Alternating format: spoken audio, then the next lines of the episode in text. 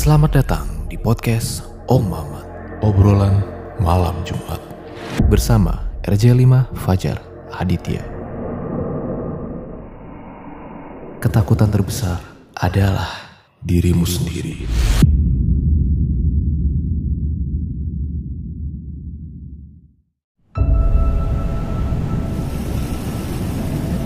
Kita bahkan sempat bercanda-bercanda gitu.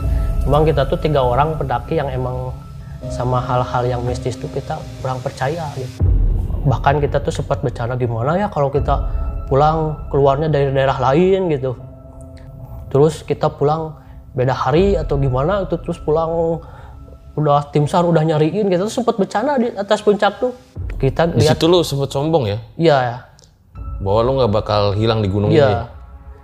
Saya merasa bersalah gitu. Saya yang bawa saudara saya Faisal sama teman saya si Asep yang si Asep kan baru pertama kali langsung dibawa nyasar. Nah sepanjang jalur itu bukan jalur, sepanjang hutan tuh kita banyak nemuin jejak-jejak hewan kayak cakaran gitu. Dari segi horor ya, ini lebih merinding lagi gitu, lebih takut lagi kan. Ini benar-benar ancaman nyata kan.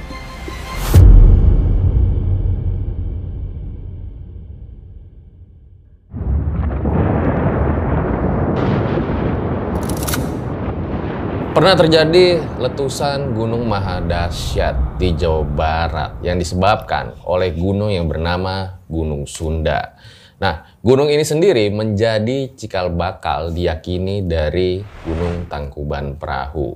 Buat para lang atau RJL Satset nih, jadi 10 letusan gunung terdahsyat di dunia itu, beberapa di antaranya itu ada di Indonesia. Nah, hari ini gue kedatangan seorang pemuda yang tersesat di Gunung Sunda ini viral ya dan ini baru terjadi minggu lalu tuh. Halo, Mas Wawan. Ya, halo. Jauh-jauh dari Subang ya Iya, Subang. ke sini ya. Iya. Itu baru minggu lalu ya kejadian Iya, tersesat minggu- di minggu Gunung lalu, Sunda minggu ya. lama, iya. Wow, itu tersesat berapa orang? Tiga orang. Malah katanya sering ke situ ya. Iya sering. Bahkan Tapi saya kok- saya tuh orang orang sananya gitu. Orang Malah gunung. tersesat ya? Iya, Akhirnya ditemukan oleh tim SAR saat itu. iya tim sar sama relawan. Oke, ditahan dulu ceritanya. Langsung aja kita mulai. Berikut adalah ceritanya. Ya, Mas Wawan boleh diceritain awal mula tersesat itu seperti apa? Jadi saya ingin menceritakan kisah pendakian saya yaitu hilang di Gunung Sunda. Ini adalah pendakian pertama saya setelah tiga bulan yang lalu ayah saya meninggal. Setelah itu saya belum pernah mendaki lagi. Baru kali ini saya mendaki lagi karena sebelum sebelumnya kan masih berduka lah. Ayah tuh di mata Mas Wawan seperti apa kalau boleh tahu? Kalau di mata saya, saya kan anak bungsu gitu. Jadi dia tuh bener-bener saya tuh bener-bener sayang gitu. Beda sama kayak anak-anak yang ke anak-anak yang lainnya. Saya tuh bener-bener dimanja gitu sama si bapak itu. Makanya pas kehilangan ayah saya tuh saya bener-bener merasa kehilangan gitu. Dia tuh emang sosoknya yang kebanyak ngomong gitu. Dia tuh baik lah. Pokoknya benar-benar sayang lah ke saya tuh. Nah, lanjutlah ke eh, ke cerita ya. Saya tuh waktu itu hari Sabtu rencananya tuh mau naik ke Gunung Cikuray yang ada di Garut. Tapi dikarenakan ada satu teman saya nih yang mau ikut tapi dia nggak bisa katanya bisanya minggu depan. Ya udah saya cancel aja minggu depan.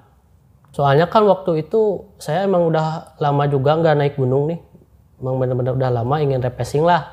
Udah saya mengusulkan nih, gimana kalau kita naik ke Gunung Sunda aja. Nah, sekedar informasi ya Gunung Sunda ini berada di eh, masuk ke wilayah Bandung. Tapi saya kan tinggal di daerah Sub- di Subang.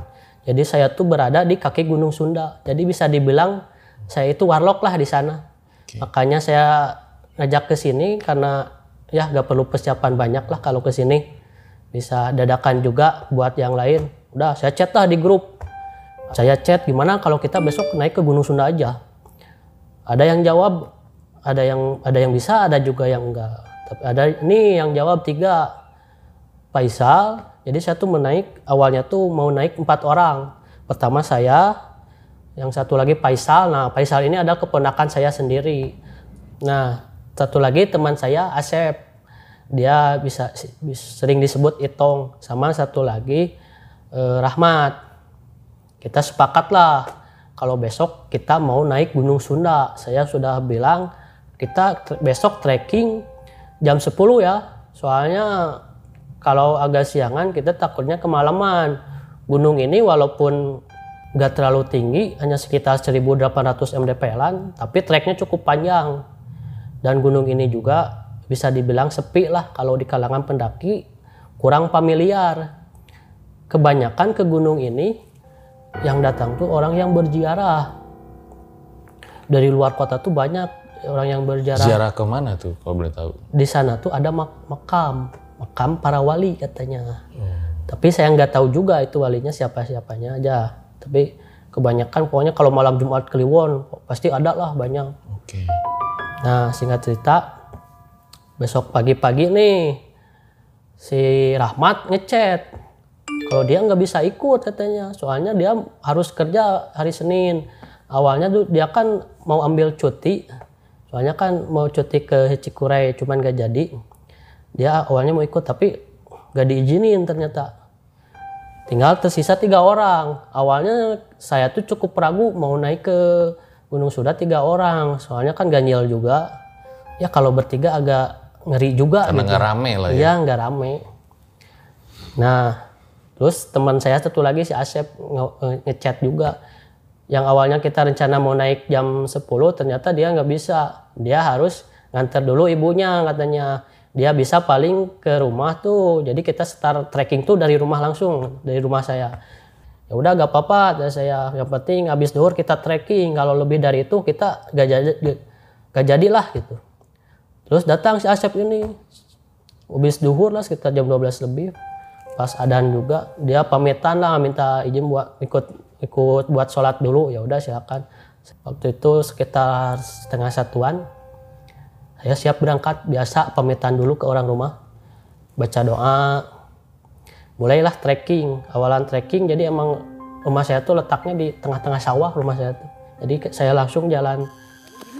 Pada ke mana kalian, hei? Gunung Sunda? jalan awalnya lewatin sawah lumayan sih agak jauh juga. Lewatin sawah langsung masuklah ke kebun. Kebun warga kayak kebun kopi kayak gitu nah di situ juga di awal kita udah nyasar nih. Kita nggak kebingungan jalan juga. Padahal saya tuh sering sama si Faisal saya sama Faisal sering. Emang kan kalau si Asep kan kan baru pertama kali ini. Dia ingin tahu katanya mau ikut. Waktu itu masih ada sinyal. Faisal coba nelpon dulu nih ke kakak saya. Dia mau nanyain jalur. Ini jalurnya ke mana gitu. Tapi ka- kayaknya lagi di jalan atau gimana nggak sempet diangkat juga nah waktu itu kita memutuskan untuk istirahat dulu. Takutnya ini capek atau gimana jadi kita nggak bingung nih nentuin jalan. Istirahat dulu lah minum dulu. Udah istirahat sebentar kita lanjut trekking lagi jalan lagi. Pas maju di depan oh ternyata ada jalurnya ke kanan. Emang cukup terhalang lah sama rumput-rumput itu nggak jelas jadi jalurnya.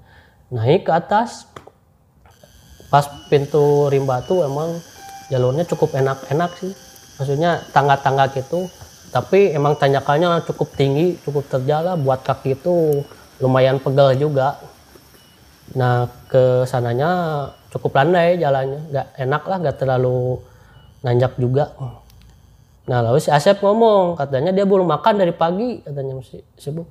Ah ya udah kita makan aja dulu nih. Saya kan bawa nasi nih dari rumah. Kita buka aja dulu. Walaupun emang waktu itu kita gak bawa lauk yang mateng ya, mentah semua. Jadi waktu itu cuman ada kerupuk sama mie. Kita makan sama kerupuk aja itu, sama mie dibubukin gitu. Ketika kita lagi makan, tiba-tiba di bawah ada bapak-bapak satu orang. Dia pakai celana pendek, pakai sendal, cuman pakai kaos dalam. Dia jadi dia tuh kaos luarannya nggak dipakai, cuma diselendangin nih di sini di pundak sama sambil gendong kresek. Saya tanya, Pak mau ke mana? Saya mau ke, ke ini dek, mau ke mau jarah ke makam. Oh, dalam hati kaget juga ada bapak-bapak setelannya kayak gitu gitu mau naik gunung. Terus saya, saya tanya, Pak, emang berapa orang? Sendiri aja katanya. Kata saya tuh, enggak berempat tuh di bawah masih ada tiga orang lagi rombongan saya oh saya ajaklah pak ayo makan dulu kita ngopi minum ah enggak deh ini juga ba- bawa banyak nih datanglah dari bawah tiga orang. Nah ada satu orang si bapak bapak-bapak. Dia tuh pakai peci. Setelan kayak muslim gitulah. Dia nanya dek dari mana? katanya. Saya mah orang sini pak dari bawah. Dari bawah. Oh kenal sama bapak ini enggak katanya. Dia tuh nyebutin bapak saya. Oh itu mah bapak saya pak. Saya kan anaknya. Dia tuh oh kamu udah ini ya sini udah besar katanya. Iya pak katanya Bapak-bapak itu mau ziarah. mau ziarah katanya. Biasa ngobrol-ngobrol dulu kita. Bahkan dia tuh nanyain dulu bapak emang memang benar ya katanya bapak udah nggak ada? Ya pak kemarin tiga bulan yang lalu udah nggak ada. Oh iya saya juga dengar katanya dari ada yang ngasih tahu katanya. Maaf aja nggak nggak nggak bisa ini nggak bisa hadir. Ya nggak apa-apa pak. Ya udahlah kita ngobrol dulu mereka pam- eh, pamitan mau jalan duluan. Kita kan lagi makan lanjutin makan dulu. Setelah se- setelah selesai makan kita beres-beres lah lanjut trekking lagi. Trekking nah mereka rombongan si bapak ini yang itu ketemu lagi nih di jalur kesusul sama kita. Kita eh, ngobrol sedikit ya. Katanya pak saya duluan ya nanti juga kesusul lah.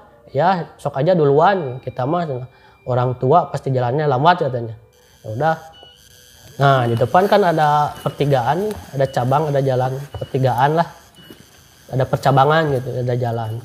Yang ke kanan itu emang ke arah puncak jalur pendakian. Dan yang ke kiri adalah jalur tempat ziarah yang ada makam-makam itu. Jadi di situ tuh emang ada saung-saung kayak gitulah. Bubuk eh bukan ya saung lah. Saya tunggu dulu di situ mau nungguin si bapak yang tadi rombongan bapak-bapak yang tadi. Soalnya mereka takutnya nyariin saya soalnya saya saya nggak belum bilang kalau jalurnya beda. Tungguin bapak itu datanglah mereka. Saya pamit pak saya mau mau langsung lanjut aja nih ke atas. Jalurnya kita beda pak. Kalau ke sini kan saya belum nggak- takutnya nggak sempet nih takut kemalaman. Oh ya udah gak apa-apa tapi awas deh katanya. Hati-hati. Kemarin juga di atas ada yang meninggal katanya. bentar dek sini hati-hati. Nah waktu itu saya didoain doain dulu sama si bapak itu. Sini dulu dek katanya. Doain dulu.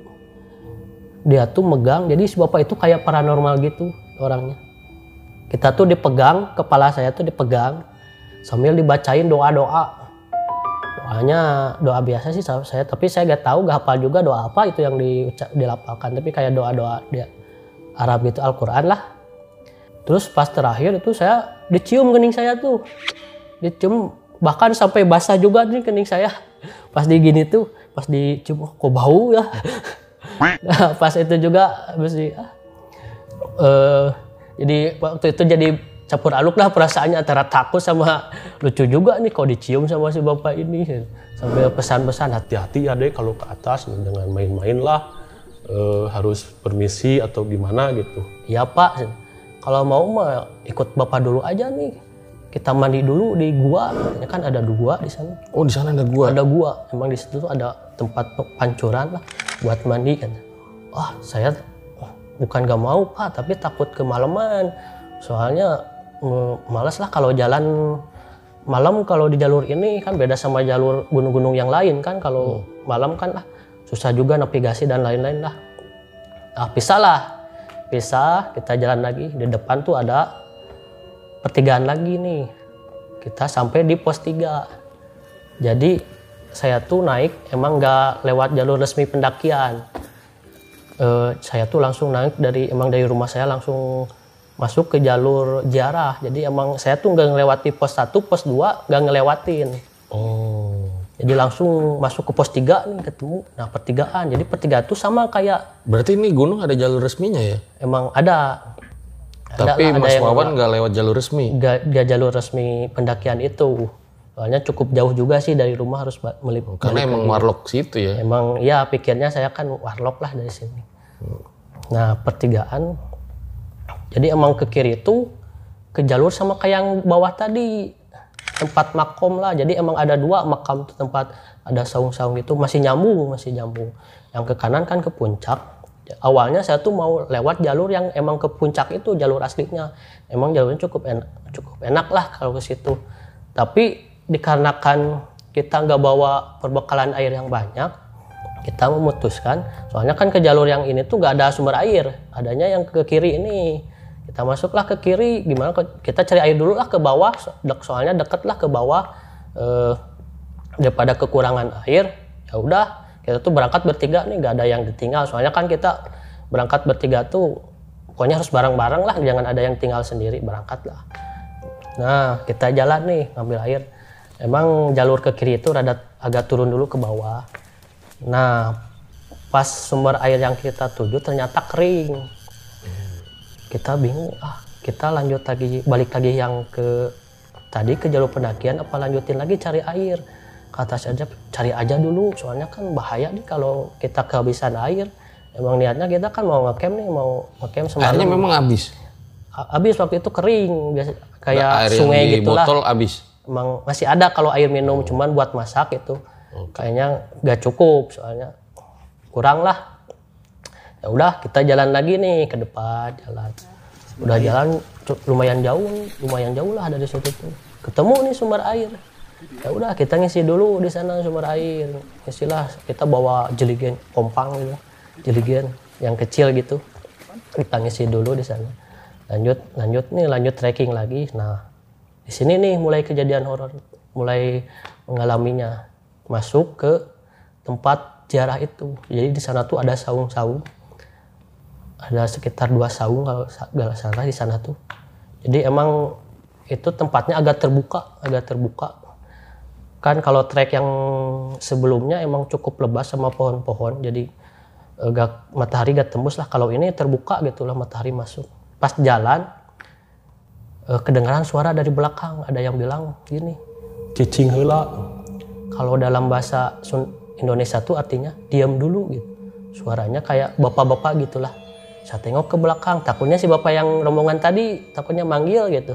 Pas dilihat kok gak ada gitu? Tungguin sebentar lah saya ngomong nih sama teman-teman gimana kalau kita istirahat aja dulu sebentar di sini lah.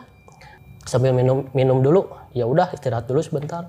Ya tuh istirahat sambil eh, nungguin nih si eh, nungguin si bapak yang tadi yang di bawah yang ketemu gitu. Udah lama kok nggak ketemu juga gitu gak datang juga. Ah ya udah kita jalan lagi. Jalan lagi kita tuh ketemu di sana tuh emang ada pohon ya. Pohon cukup besar pohonnya cukup besarnya di bawahnya tuh kita tuh ada kayak ada cabang gitu kayak bolong. Lah kita tuh bisa masuk ke sana. Nah, kata orang-orang kalau kita ngelewatin sana, kita tuh harus melakukan ritual. Jadi kita harus masuk nih ke sela-selanya, berkeliling tiga kali sambil bacain syahadat. Si Asep nih ngomong, wah emang nggak apa-apa kita gitu, ah nggak apa-apa lah kita baca syahadat ini, nggak ini nggak rugi lah, kita- nggak nggak aneh-aneh kan? Bacain nih syahadat kita masuk. Saya kan di tengah nih kedua, pas putaran ketiga nih terakhir, saya nyium bau kemenyan. Saya lihat lagi ke belakang takutnya ada orang. Jadi emang belum jauh nih si pohon ini belum jauh sama saung tadi, belum jauh emang deket lah sekitar lima menit paling lihat lagi ke belakang takutnya ada orang yang lagi nyalain gitu Eh, pas dilihat kok gak ada orang lagi gak ada emang gak ada orang nih. Ah ya udah kita lanjut lagi jalan. Ini posisi udah malam atau gimana? masih sore lah. Hmm. sekitar Dan nggak ada orang siapa-siapa lagi yang ketemu ya? nggak ada nggak ada. Cuman rombongan yang tadi aja. Oke. ya udah kita lanjut jalan lagi. Nah di depan kita ketemu yang gu- gua. Gua yang tadi diceritakan sama bayang tadi. Jadi di sana tuh ada gua jadi ada sekitar tiga kamar kalau nggak salah tapi kamar ya kayak ruang-ruangan gitu tapi saya juga belum masuk nih ke situ Guanya gede.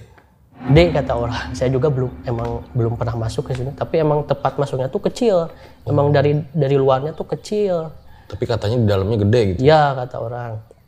Nah emang di situ ada pancuran. Oh jadi pancuran ini nih yang suka dibuat mandi. Nah di tempat itu emang ada kayak di pohon tuh kayak kayak ada pakaian dalam gitu. Emang suka kayak ritual gitu. Eh suka ritual kalau mandi di situ harus buang pakaian gitu. Jadi ada ya kalau salah satu sekitar satu atau dua gitu. Padahal itu tuh kata eh, tetangga saya yang emang ngelola ini udah dimusnahin, udah dibakar, tapi masih ada aja yang kayak gitu. Jadi lu nemuin ada banyak pakaian dalam. Iya. Tapi pas hari itu nggak terlalu banyak sih, nggak terlalu banyak seperti biasanya. Nah pas di gua ini kita nggak nemu jalur nih, nggak nemu jalur. Jadi emang jalur ini emang ada juga jalur ke puncak. Jadi emang sebelum-sebelumnya juga kita kalau berangkat emang jalur sini nih, emang ada langsung ke puncak. Nggak nemu jalur buntu di sini. Tiba-tiba dari belakang datang nih rombongan yang tadi. Cu, kok belum berangkat? Cucu, cu itu biasanya cucu gitu panggilannya. Eh, kok belum berangkat? Ya pak, saya nggak nemu jalur. Kok ini jalurnya kok buntu ya? Kok itu deh ke bawah. Ternyata di bawah tuh emang longsor. Jalannya tuh longsor. Awalnya juga kita agak mungkin ini jalan. Kita tuh mikir ya gimana kalau kita balik lagi yang ke jalur tadi. Tapi kan cukup jauh juga yang tadi tuh. Eh, ah ya udahlah turun aja ke bawah kita pelan-pelan aja. Jadi emang turun dulu ke bawah nih. Emang jalurnya emang udah gak kelihatan terus kita naik lagi nih punggungan jadi emang yang jalur ini tuh cukup sulit jadi kita tuh beberapa kali sekitar tiga kali pindah punggungan lah. Jadi naik turun lagi naik turun lagi. Ya udah kita lanjut jalan nih. Emang pada itu tuh sekitar kita tuh nyampe sekitar, sekit- setengah lima lah. Pas Berarti itu. yang tadi rombongan bapak-bapak ditinggalin. tinggalin aja. Awalnya kan mau nawarin mau mandi dulu soalnya kan udah kesorean nih takut kemalaman kita juga. Itu pakaian dalam yang lu temuin jenisnya apa? Kayak ya pakaian-pakaian dalam kayak solempak gitu gitu. Sempak gitu. Iya sempak gitu. Oh. Ini cowok cewek? Cowok sih banyak. Emang mungkin ada ritual kayak gitu. gitu. Oke. Saya juga belum tahu maksud, gak tahu lah maksud atau tujuannya gimana gitu. Lalu Ya udah, kita lanjut lagi jalan. Jalan, nyampe puncak kita tuh sekitar jam 6 lebih. Jam ya maghrib lah kita. Jadi emang gunung ini tuh kita bisa camp di atas puncaknya. Jadi adalah sekitar tiga tenda masuk di puncaknya. Biasalah kita siap-siap nih camp. Eh, buka Buka tenda. buka tenda. Terus ada yang masak juga, makan-makan. Eh, waktu itu ya tuh makan masak daging ya waktu itu. Tapi gimana ya kurang enak rasanya lebih enak yang kemarin sama kerupuk aja gitu. Beda rasanya waktu itu kayak hambar gitu kalau walaupun makan sama daging juga gitu. Nah kita makan-makan lah ngobrol emang Gunung Sunda tuh jadi di sebelahnya itu di sebelahnya itu langsung ke situ Lembang pemandangan. Situ Lembang kan emang tempat latihan militer ya. Jadi waktu itu emang suasananya kita tuh emang kayak rame lah, nggak nggak takut itu emang emang banyak yang lagi latihan. Jadi apa yang didengar tuh? suara tembakan-tembakan gitu. Suara yang emang teriak-teriak gitu kayak latihan. Padahal itu udah malam. Udah malam. Berarti lu dengar ada suara tembakan gitu ya? Gar gitu. Iya, emang ba- banyak lah suaranya. Jadi suasananya kita tuh jadi hangat gitu. Jadi nggak biasanya kalau gunung gunung sebelum sebelumnya saya naik gunung ini tuh aku cukup sunyi gitu, cukup sepi lah. Tapi waktu itu su- suasananya terasa hangat gitu. Tembakannya bikin lu hangat ya? Iya, emang jadi agak jadi nggak takut gitulah. Jadi suasananya sama suara kayak mortil gitulah, kayak bom, suara bom gitulah. Tapi Lu nggak tahu. takut ya? awalnya sih takut takutnya ada yang nyasar gitu tapi ah mungkin ini aman lah soalnya kan lumayan jauh juga. Nah biasalah pas habis makan kita ngopi-ngopi biasa ngopi-ngopi sambil ngobrol. Malahan waktu itu kita malam itu ngobrol tentang ngomongin navigasi. Soalnya kan di puncak gunung Sunda ini ada nih gunung satu lagi gunung Wayang. Saya tuh mau nyoba ke gunung eh, ke sana. Cuma belum tahu lu belum tahu jalurnya. Nah si ponakan saya si Faisal kan dia tuh sering ikut pamuka, dia tuh suka diklat jadi tahu lah cara navigasi kalau saya belum kan. Eh, kata saya tuh gimana kalau nanti kita gunung-gunung ini aja lah kita praktekin navigasi yang pernah kamu pelajarin. Oke lah kata Faisal nanti kita coba ke sini. Pas waktu itu kan ngobrol nih, kita bikin api unggun biasa. Kalau di sana kan bisa lah bikin api unggun. Nah posisinya si Faisal sama si Asep kan duduknya tuh dia tuh berdampingan pakai matras. Kalau saya duduknya pakai kursi agak di belakang nih, agak di depan tenda, di depan pintunya, eh, agak ke samping. samping sini saya duduk di kursi. Nah pas waktu ngobrol-ngobrol itu dari arah belakang tenda nih ada dari kayak ada yang merhatiin gitu. Bahkan ada yang suara kes-kes gitu. Ah saya pikir mungkin monyet itu soalnya kan masih banyak monyetnya di situ tuh. Nah di situ kayak ada yang merhatiin gitu. Tapi saya gak banyak ngomong soalnya kan takut ini pokoknya kalau ada mistis saya belum belum, mau ngomong kalau di lagi di jalur. Pas tidur nih sekitar jam 3 jam 3 subuh saya dengar di, di luar itu kayak suara langkah kaki gitu. Kaki banyak kayak pakai sepatu gitu. Sama suara nesting nest cooking set tuh, bekas masak kan disimpan di luar itu suaranya berisik. Awalnya ah mungkin monyet lagi mainin itu si- ambil sisa makanan. Tapi kok ada suara kayak langkah kaki gitu kaki sepatu gitu sepatunya sepatu tentara gitu kan. Nah gitu saya bangunin nih si, si Faisal sama Syasib ini belakang di luar kok rame gitu. Ada apa ya? Mungkin ada yang latihan mungkin ke sini. Iya kita cek keluar nih. Kita cek keluar ternyata gak ada apa-apa. Pas di luar tuh gak ada yang lagi latihan terus gak ada yang gak ada hewan juga terus cooking set juga aman. Gak ada apa-apa. Kita masuk lagi nih ke tenda. Agak merinding juga waktu itu malam itu. Oh ya udahlah kita lanjut tidur lagi. Pas tidur mereka mereka berdua tuh udah tidur. Tapi saya dengar lagi suara itu. Dengar kok ini siapa? gitu. Ah pokoknya saya pakai sleeping bag langsung pakai kerudung gitu nih. Kerudung soalnya takut tidur lagi. Nah pas tidur saya tuh mimpi mimpi ketemu kakek-kakek. Tapi posisinya dalam mimpi itu saya berada di puncak itu puncak Gunung Sunda ini. Dalam mimpi itu saya di di ini dibawa jatuh ke bawah ke air ke jurang gitu dalam mimpi itu. Pas itu kok seperti nyata gitu rasanya tuh. Langsung dibawa langsung air diceburin. Jadi di bawah itu ada air itu. Diceburin saya kan nggak bisa berenang dalam mimpi itu emang kayak tenggelam gitu tiba-tiba bangun lah saya bangun ternyata si Faisal nih udah di luar. Udah di luar. Dia tuh eh, lihat sunrise. Eh, saya tuh keluar. Eh, terus bangunin si Asep Asep.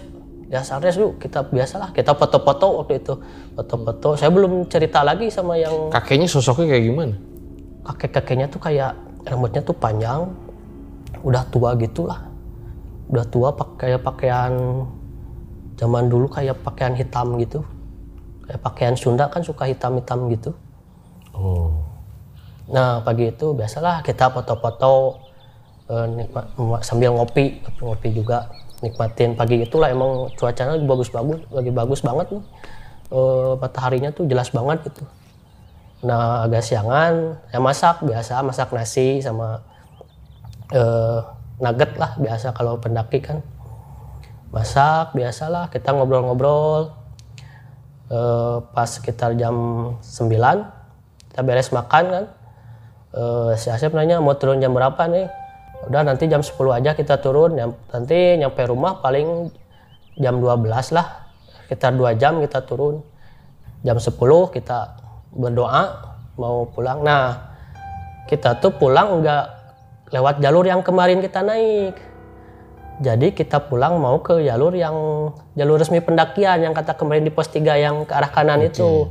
Jadi emang ke sana tuh jalurnya enak, cuman satu punggungan gitu langsung enak lah. Eh, emang beda jalur. Jadi kalau kemarin tuh dari dari arah belakang, nah ini ke depannya gitu. Naiklah kita jalan.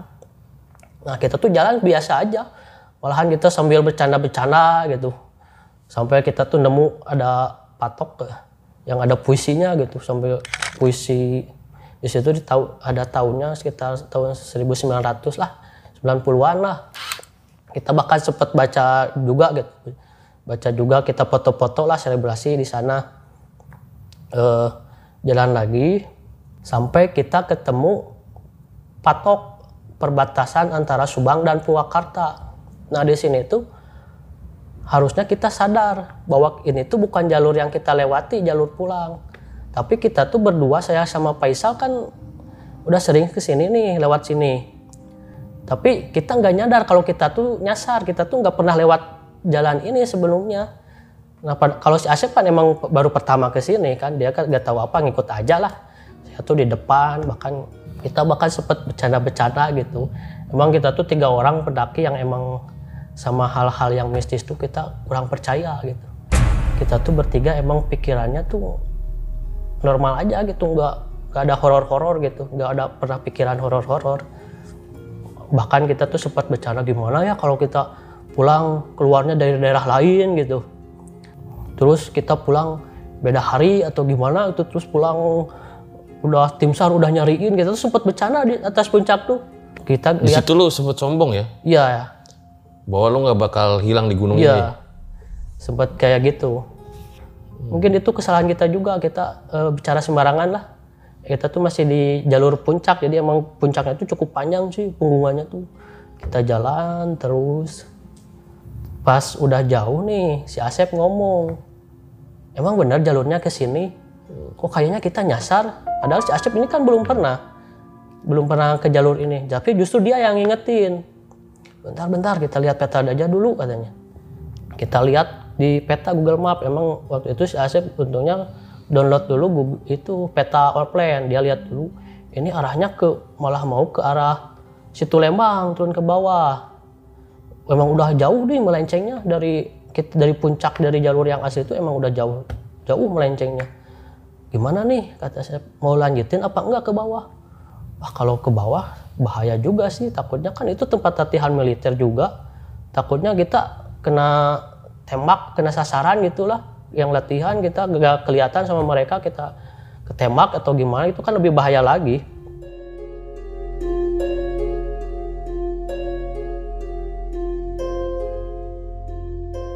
Yang sebelumnya kita sempat sombong gak bakal hilang atau tersesat di gunung. Sama kita sempat bercanda-bercanda kalau kita pulangnya gak dari daerah mana gitu ternyata justru inilah awal kita hilang sama tersesat nah saya kita putuskan untuk balik lagi nih cari jalur yang kita jalur yang kita mau tuju nih Sebentar ini emang kisah lu kayak gini kan ngagusur lu ngarang kayak gini kan? iya emang kisahnya seperti ini Oke. kita pulang nih emang di awal tuh Iya sempet sombong-sombong gitu loh. Iya sempat sombong-sombong gitu dan emang kita nggak nemu jalur kita harusnya kita tuh ke kanan gitu. Ada jalur ke kanan ke bawah. Tapi emang kita nggak ngelihat sama nggak sadar jalan itu. Kita balik lagi. Nah pas di depan kita ada ada nemu tanda nih tanda panah. Ke arah kiri ke bawah. Ah ini mungkin jalurnya pas kita lewati. Ah oh iya emang bener ini jalurnya. Emang jalur enak enak lah jalurnya. Emang saya kira awalnya emang itu jalur kita pulang. Jalanlah kita terus terus. Emang enak lah jalurnya ini. Kita udah jalan jauh di depan ternyata buntu nih jalurnya. Kita ketemu jurang. Si Asep cek peta lagi ini bener gak jalurnya? Ternyata pas dilihat jauh melenceng dari jalur yang kita tuju. Jadi kita tuh patokannya naiknya itu dari Curug Cijalu. Nah kita tuh lewat ke jalur Curug Cijalu itu. Kita deketnya patokannya. Ternyata ini makin jauh melenceng. Padahal kita tuh udah jalan sekitar tiga jam kalau salah. Kita bingung waktu itu mau balik lagi. Soalnya cukup jauh sih gak mungkin. Ya udah kata si Asep kita melipir aja nih langsung kita jalurnya terabas aja nih langsung ke arah Curug Cijalu. Kita jalan nih jalan. Bahkan kita nurutin nurunin lembahan terus naik lagi ke punggungan gitu turun. Pas dilihat peta ternyata makin jauh gak ketemu. Ini petanya apa nih? Google Map. Google, Map yang emang Ada sinyalnya? emang gak ada sinyal tapi si Asep tuh udah download dulu offline. Oh ya. pas lihat tuh salahnya juga kita dari awal nggak nggak buka map ini. Harusnya kalau kita buk dari awal buka ini kita gak akan tersasar. Kita jalan ternyata emang jauh nih jalurnya. Kita gimana? Kalau balik lagi gak mungkin kita gak, bak- gak bakalan inget jalannya. Kita nemu nih patokan patokan yang jalurnya deket ke arah perkampungan. Jadi emang jauh sih melencengnya. Jadi kita tuh deket ke kita menuju di di map itu ada curug Cipurut sama curug Cisarap. Nah ya udah kita ambil ke ini aja jalur yang lebih deket. Posisi lu lebih deket dari map ke situ ya? iya kelihatannya. Kita jalur ternyata jalan terus ternyata kita majunya tuh sedikit ternyata di peta tuh.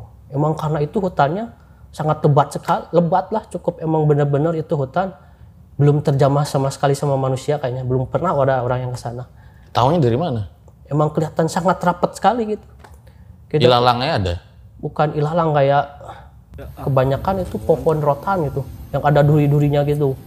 Jadi kita tuh nerabas di sana sampai kit ini tuh udah gak dirasa lah pokoknya tangan tuh. Oh, ini kaki lu ya? Duri. Iya, Kena duri-duri ya? iya kena sampai kena duri. Merinding gua kakinya. Lecet semua ya? Iya, pada lecet-lecet. Tangan juga? tangan sama. Ih. Pokoknya kita terabas. Ya untungnya waktu itu kita bawa golok dari rumah. Jadi kita buka jalur nih, buka jalur.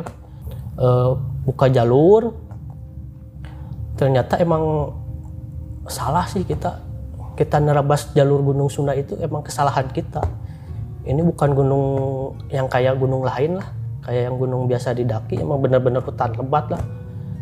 Sampai kita memutuskan gimana kalau kita ikutin jalur air aja biar eh, siapa tahu kita nemu lah perkampungan.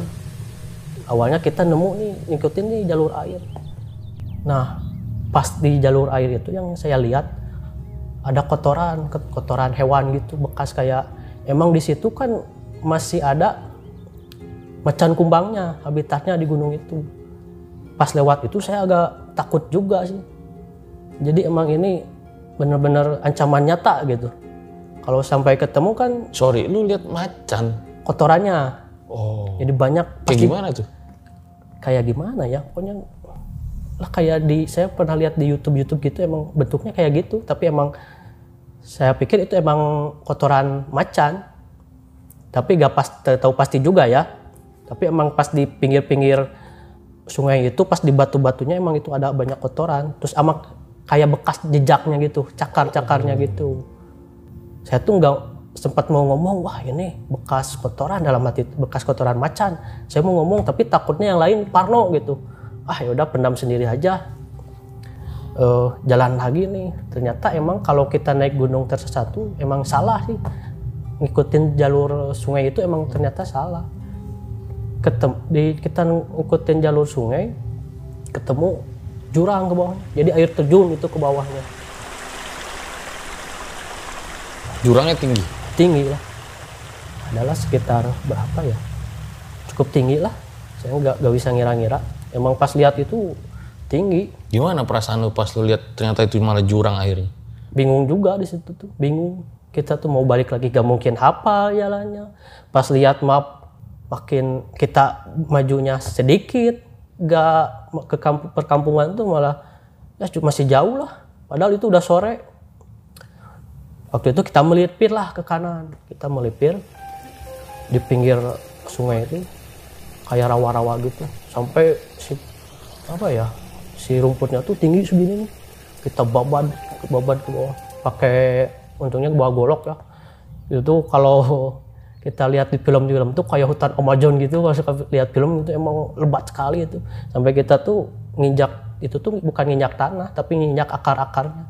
Jadi ke bawah tuh kayak air gitu jadi kalau kita salah ngelangkah kejeblos. Yang paling saya takutan sih ada ular atau hewan gitu. Soalnya ya kalau ketemu gitu kan kita nggak bisa apa-apa gitu. Ya udah li. Ya udah kita jalan lagi. Jalan sampai ya sepanjang perjalanan itu kita kebanyakan naik punggungan ketemu jurang turun lagi ke lembahan. Emang waktu itu untungnya kita semua bertiga tuh mentalnya masih aman lah. Nggak ada yang kecapean terus nggak ada emang logistik masih aman. Jadi emang masih banyak lah. Masih untuk sekitar satu hari lagi juga masih cukup. Air juga kan ma- emang melimpah di sana. Kita jalan. Waktu itu udah sore banget sampai ah saya juga bingung. Emang saya merasa bersalah gitu. Saya yang bawa eh, saudara saya Faisal sama teman saya si Asep yang si Asep kan baru pertama kali langsung dibawa nyasar saya cukup bersalah soalnya kan saya juga di depan tadi. Kalau saya ngeh pasti nggak akan tersesat gitu. Sampai kita istirahat dulu beberapa kali istirahat. Nah sepanjang jalur itu bukan jalur sepanjang hutan tuh tuh sering nemuin jejak kayak jejak macan gitu cakaran-cakaran gitu. Di pohon gitu. ya di pohon sama di tanah gitu. Bahkan itu kayak yang masih baru gitu bekasnya itu cukup merinding juga kan. Maksudnya kalau dari segi horor ya ini lebih merinding lagi gitu lebih takut lagi kan. Ini benar-benar ancaman nyata kan. Kita kalau ketemu kan ah bahaya juga kan. Ya udah kita jalan lagi nih jalan. Sampai akhirnya kita ketemu jalur emang kayak jalurnya tuh enak-enak gitulah. Kita ngikutinnya emang kayak kayaknya emang bekas pemburu gitu wah kita udah seneng nih alhamdulillah akhirnya kita pulang gitu emang kita gak tersesat emang udah kedengaran nih suara eh, motor dari, dari- sama suara mobil dari kejauhan tapi emang suaranya masih jauh gitu kita ikutin nih ikutin Ini kiri kanan lu apa? Masih hutan lebat? masih hutan lebat itu bener-bener lebat Pohon semua ya? iya pohon semua gitu sampai merayap gitu Merayap. merayap kita Merayap di mana? di itu buat nge di jalan soalnya kan emang ada pohonnya emang gak bisa ditebang gitu emang Oh, lu nunduk gini ya? iya nunduk. Yang paling bahaya itu kan emang itu duri-duri rotan pohon rotan itu kayak kalau ditebang juga cukup apa susah lah. Cukup alot gitu kalau bisa bisa dibilang. Nah kita ngikutin jalur itu yang emang enak nih. Pas kaget di depan ada pohon besar nih di depan. Pas lihat ke bawah ternyata jurang